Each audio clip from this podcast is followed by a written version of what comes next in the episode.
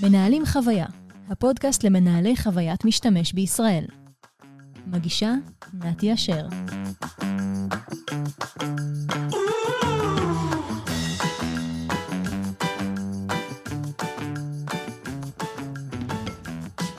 שלום לכולם, ברוכים הבאים והבאות למנהלים חוויה, הפודקאסט למנהלי עיצוב וחוויית משתמש בישראל. זאת העונה השנייה, פרק ראשון, לי קוראים נתי אשר, אני מנהלת עיצוב חוויית משתמש בסיילספורס, ואני מאוד מאוד מתרגשת אה, לחזור להקליט. והיום אני מארחת כאן את ענבל ברון, מנהלת גילדת העיצוב ב AppsFlyer. מה קורה? בסדר גמור, איזה כיף להיות פה. אה, ואיזה כיף שאני חוזרת איתך ביחד אה, מהחופשה. כן. אה, אז שוב, אני רוצה להגיד שאני מאוד מאוד אה, מתרגשת אה, לארח אותך. תמיד משמח אותי גם לפגוש נשים חזקות ומובילות בתעשייה שלנו.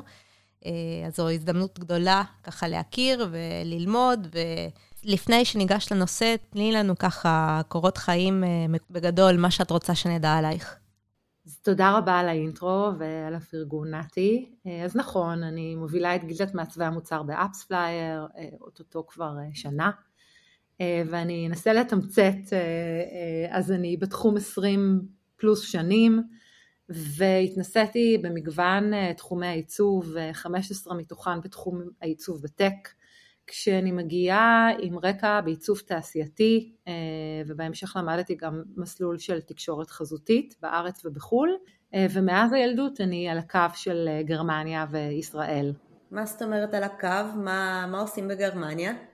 אז uh, כשהייתי בת חמש uh, בערך, ההורים שלי קיבלו מלגת אמנים, ועברנו לכמה שנים לגור בכפר אמנים פסטורלי בצפון מערב uh, גרמניה. ובבית של ההורים שלי הייתי תמיד מעורבת ביצירה שלהם, וכשהתחלתי לחשוב על מה אני אעשה שאני אהיה גדולה, אומנות לשם האומנות פחות היה הכיוון. באמצע שנות התשעים, אה, ככה ששנקין אה, היה מאוד אין, אז אה, הסתובבתי עם חברות וראיתי כרזות לאסכולה לעיצוב, מוסד לעיצוב ברחוב אחד העם, והסתקרנתי. וקפצתי ליום פתוח וממש נדלקתי על המסלול של עיצוב תעשייתי ובעצם פה מגיע המעבר השני שלי לגרמניה. יצאתי בעצם לחילופי סטודנטים באקדמיה לעיצוב בקן שמאוד מוכרת דרך אגב כחלוצת ה-Service Design בעולם. אה, ושם ממש אה, נפתח לי הראש כי למדנו בגישה ג'נרליסטית פיליפ סטארק, ג'יימס דייסון, דיטר רמס היו מרצים אורחים וזה באמת הייתה תקופה ממש משמעותית שתלווה אותי כל חיי. אה, ולמרות שהתקבלתי שמה בגרמניה ללימודים, החלטתי שאני חוזרת אה, לפרויקט הגמר שלי כאן בארץ. אז אה, גם למדת אצל אגדות עיצוב, אבל נשמע שהיה לך drive להפוך למעצבת תעשייתית, אז, אז למה המשכת לעיצוב תקשורת חזותית? אז כן, היה לי לגמרי drive באמת להפוך למעצבת תעשייתית, למעצבת מוצר פיזית. אה, והתחלתי לעבוד בתחום אה, והושפעתי אז בזמנו אה, מתנועת הייצור של ה- ready mades בפרט מ Droog Design ההולנדים שראיתי את התערוכה שלהם. ורציתי מאוד להתמקד בייצור גופי תאורה והתחלתי גם באמת לייצר ולמכור בחנויות. תוך כדי שהתחלתי בכיוון הזה אז חברה טובה שלי מעצבת אופנה שיריל רז גולד קראה לי להצטרף אליה להקים את אה, בוטיק המעצבים אה, בדיזנגוף סנטר, שזה היה התכלס, ה pop-up הראשון, אה, וביחד הובלנו את החץ של הסנטר, שניסה אז להתעורר ולמצב את עצמו אחרי תקופה קשה של פיגועים והזדקנות. כל זה קרה ביחד, והייתי אז עוד ממש צעירה, וזה היה לי too much. והנה בא המעבר השלישי שלי וחזרה עוד פעם לברלין. שם בעצם אה, גם הגעתי עם אה, המון תשוקה אה, להמשיך לעבוד כמעצבת מוצר ומצאתי עבודה דרך סטארט-אפ ישראלי. זו הייתה העבודה הראשונה שלי שמה ובמקביל לשמחתי דרך משרד לעיצוב תעשייתי הגשתי את הגופי תאורה שלי, את הקונספט, ומאוד אהבו, והתחילו לייצר בעצם את העבודה שלי בסדנת עיוורים במפעל היסטורי בברלין. אבל גם ברלין הציבה את האתגרים שלה, היא לא עיר תעשייתית, והרגשתי שיהיה לי מאוד קשה לייצר ולצמוח שם. ובעצם החלטתי לצאת למסלול נוסף וללמוד תקשורת חזותית, שזה תחום שגם תמיד מאוד קסם לי. ועם סיום הלימודים התחלתי כמה שנים טובות של עבודה כעצמאית עבור חברות שמתעסקות בתערוכות, בשילוב עם אינטראקטיב שאז היה בחיתוליו. אז איך התגלגלת באמת לעיצוב בטק ולניהול? אז תראי, סך הכל חייתי בברלין כמעט שמונה שנים בגלגול הזה, וכשהבן שלי נולד, שהוא דרך אגב מתגייס כבר עוד מעט, החורפים הקרים והמרחק מהמשפחה היו לי באמת קשים, ולגמרי התחלתי לפנטז על לחזור לארץ, והבנתי שכדי שאכנס יותר לתחום העיצוב האינטראקטיב בטק, שקראו לו אז גוי דיזיין, התחלתי בעצם לעבוד בחברה שנותנת שירותי עיצוב בשם מפיורט, שנקנתה כמה שנים אחרי שכבר עזבתי את ברלין על ידי אקסנצ'ר הגלובלית, וזו הייתה בעצם הדריסת רגל הראשונה שלי בתחום, מאוד אהבתי את הקצב ואת האנשים, ואחרי זה סוף סוף עשינו את הרילוקיישן המיוחל חזרה לארץ, ונכנסתי בתור אחת המעצבות חוויה הראשונות ל-HP בישראל, ביהוד, ונשארתי כמעט עשור. והקריירה שלי התפתחה ממש במקביל עם כל התחום והשמות שהמציאו למעצבים שעובדים על מוצר דיגיטלי מורכב. ואז שהתחלתי לחשוב מה הלאה, הגיעה ההצעה לנהל את הסטודיו הגלובלי של החברה ובעצם להוביל את קהילת המעצבים, וראיתי שאני מאוד מאוד נהנית מההובלה וזה בא לי טבעי. טוב, אז התכנסנו כאן כדי לדבר קצת על גילדות. ואני מודה שכדרום אמריקאית המילה גילדה ישר לוקחת אותי לזמרת מאוד מפורסמת, ואני כזה קצת קשה לי להתנער מהתמונה שלה, אבל אני אשתדל, ואני נראה לי שאני אקשר גם שיר שלה בתקציר, כדי שאנשים יבינו במה מדובר. זמרות אסייד, בואו ניתן קצת רקע, כי אני מניחה שלא כולם מכירים מה זה גילדה, אז, אז כן, אז מה זה גילדה? מה ההבדל בין צוות לגילדה? מה, מה מייחד אותה?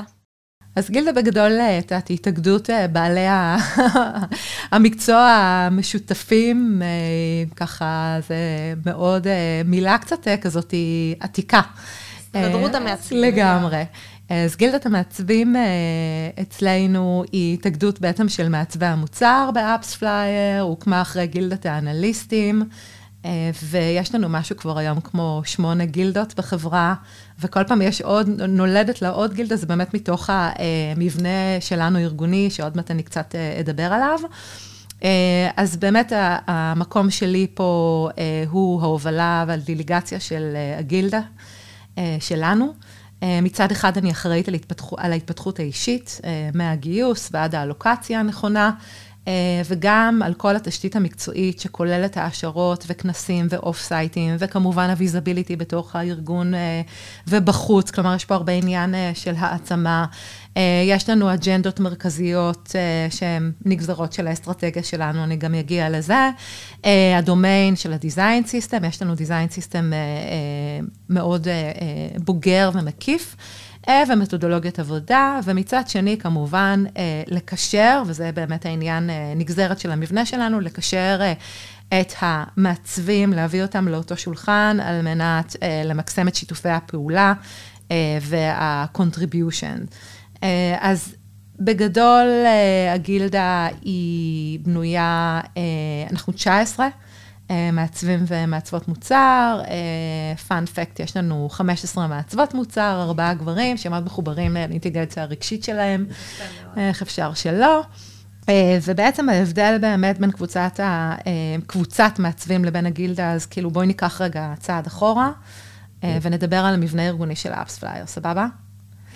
אז הפלטפורמה ה SaaS ית שלנו מכילה מוצרים שונים, חלקם ותיקים וחלקם חדשים, ובאמת ההתנהלות היא התנהלות כזאת squad ית, כלומר קבוצות מוצר מולטי-דיסציפלינריות, עצמאיות יחסית, שמעצבים מהגילדה שלנו מפוזרים ומנוהלים ברוב המקרים על ידי מנהל מוצר.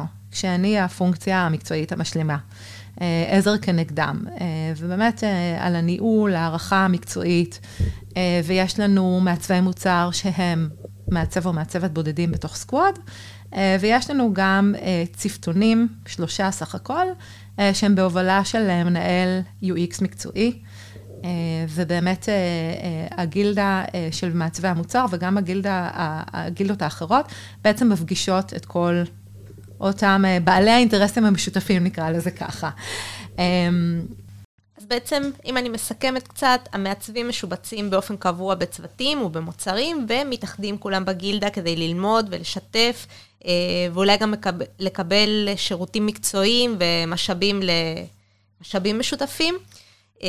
עכשיו, אם נעמיק עוד קצת יותר, אני אשאל אותך, מה, מה הטקסים והדברים שהופכים את הגילדה לגילדה? כלומר, איזה חדשנות מתאפשרת במבנה הזה? אז כן, אז יש לנו uh, כמה וכמה טקסים. Uh, אז קודם כל, uh, אני חושבת שצריך לדבר, uh, להגיד כמה מילים פה על האתגר ה-UXי שלנו, אה, שהיא בעצם, AppsFlyer אה, היא פלטפורמה SaaS ית, שהיא מורכבת מאותו פסיפס של אה, מוצרים. אה, והאתגר הוא באמת יצירת הוליסטיות ופשטות אה, בתוך מערכת אה, מאוד מורכבת, מרובת תרחישים, מרובת משתמשים. אה, כשה user מגיע מאיזה ecosystem בחוץ, כזה כל העולמות אה, אה, של ה ad tech, ואנחנו רק חלק. ולכן צריך לקחת בחשבון באמת את ה mental model שלו כבר, שהוא נכנס פנימה ולעשות את ההתאמות ולאפשר לו חוויה אינטואיטיבית עם מינימום חיכוכים מיותרים באמת במסע שלו בתוך כל הפלטפורמה. אז זה אתגר כשמדובר במוצרים שהם נפרדים.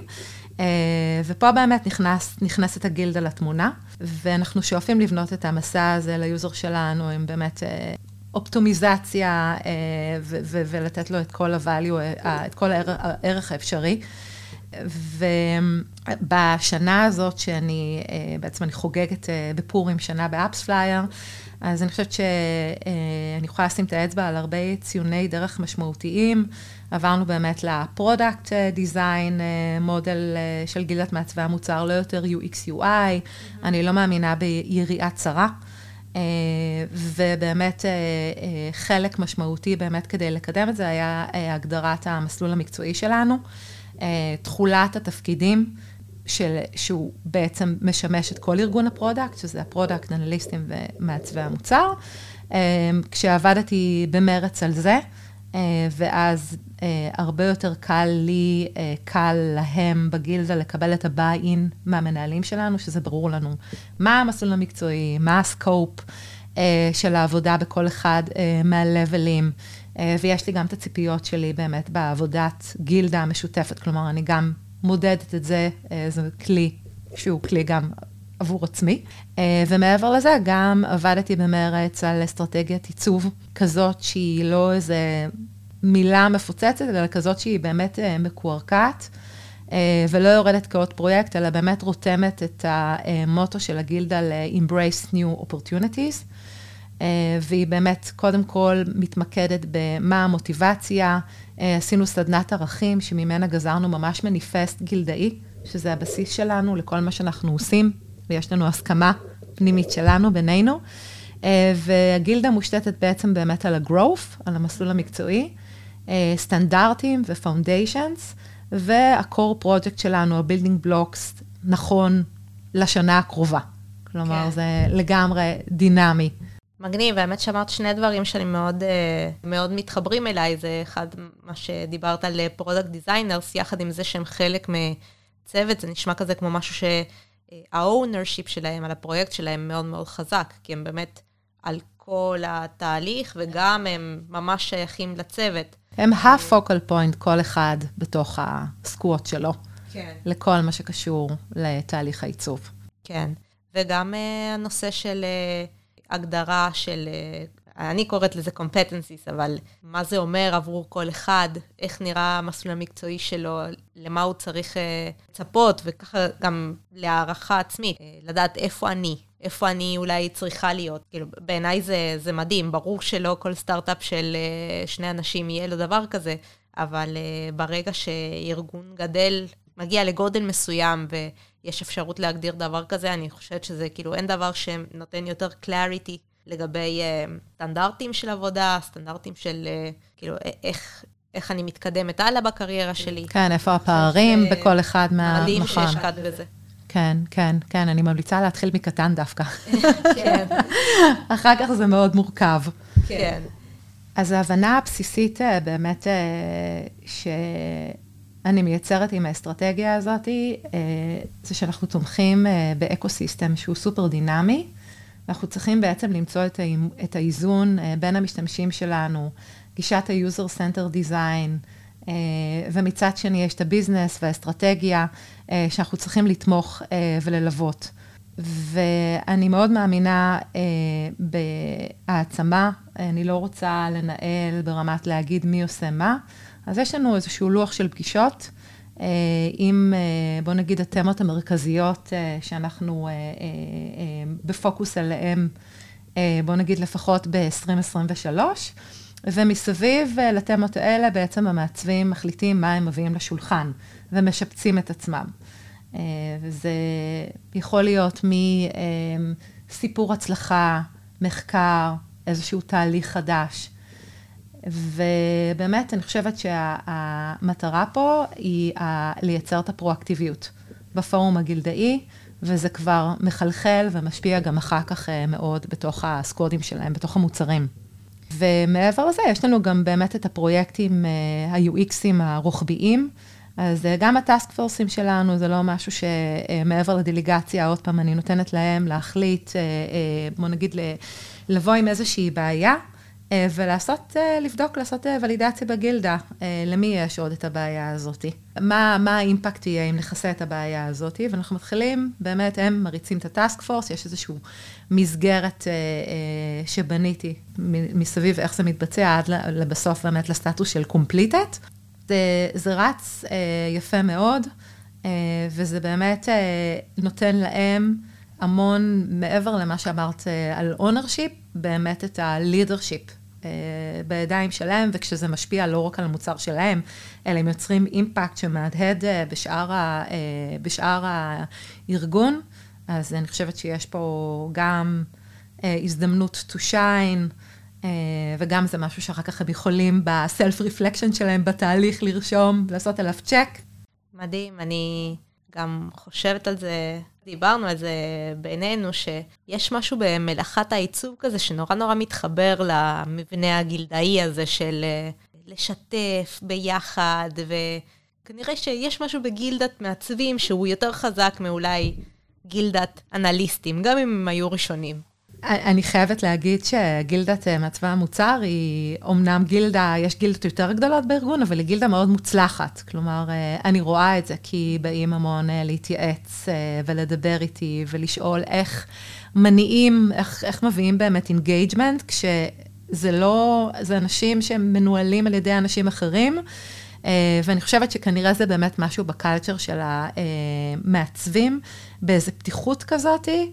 שעוד פעם, אני, אני, אני חוקרת גם כן את הנושא, אבל זה באמת, זה באמת מאוד מיוחד, וגם בארגון הקודם, למרות שלא קראו לנו גילדה, אז אותה קומיוניטי של מעצבים הייתה קומיוניטי מאוד דומיננטית בארגון.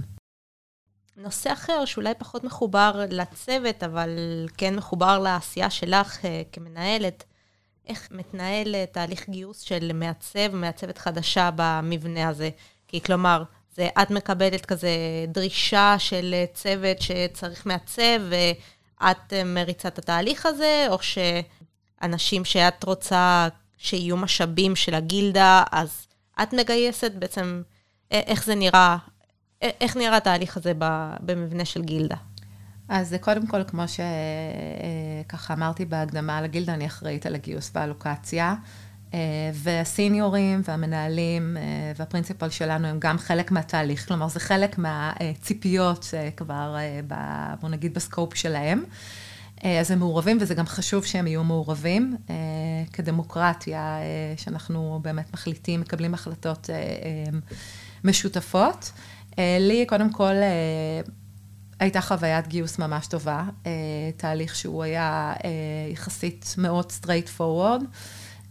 יש לנו תהליך בכלל באורג מאוד מובנה, אונבורגנינג מאוד מקצועי וכיפי.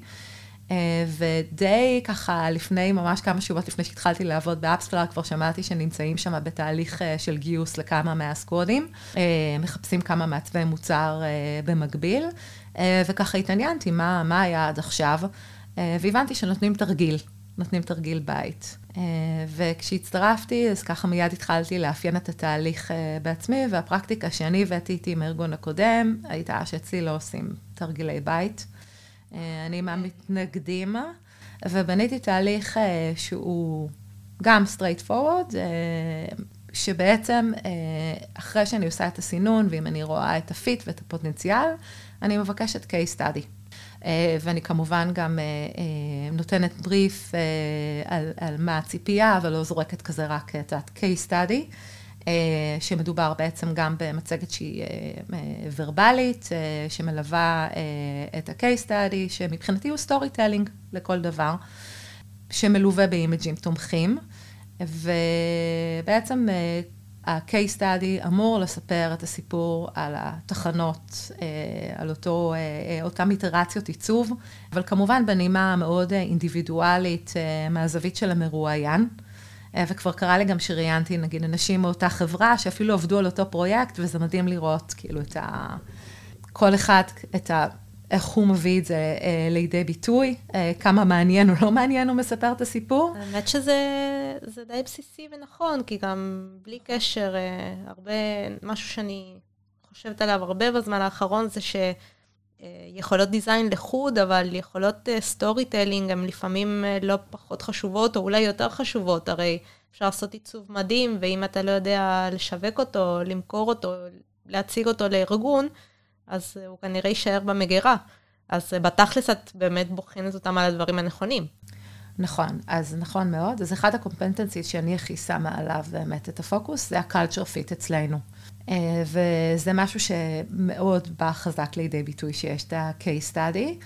אז uh, התהליך הולך ככה שבאמת אני עושה את הסינון הראשון, uh, פורטפוליו וקורות חיים. Uh, בדרך כלל מוצאת שם איזשהו משהו די מהר או לא, uh, שתופס או לא תופס אותי, uh, ויש איתי רעיון, uh, שבדרך כלל uh, עושה רעיון בזום. אה, רואה את הבן אדם, רואה אם יש התאמה, אם כן, אז הפרינציפל או אחד מהטימליץ אצלנו בגילדה גם כן מראיין, ורק אז, אם אני רואה שיש התאמה, אנחנו נותנים את ה-case study. אני לא מוציאה אף אחד להרפתקה, לא מבזבז את הזמן שלו, בטח לא את שלנו, uh, ואנחנו מביאים קומיטי מאוד מצומצם למעמד של ה-case study, uh, ושזה בדרך כלל...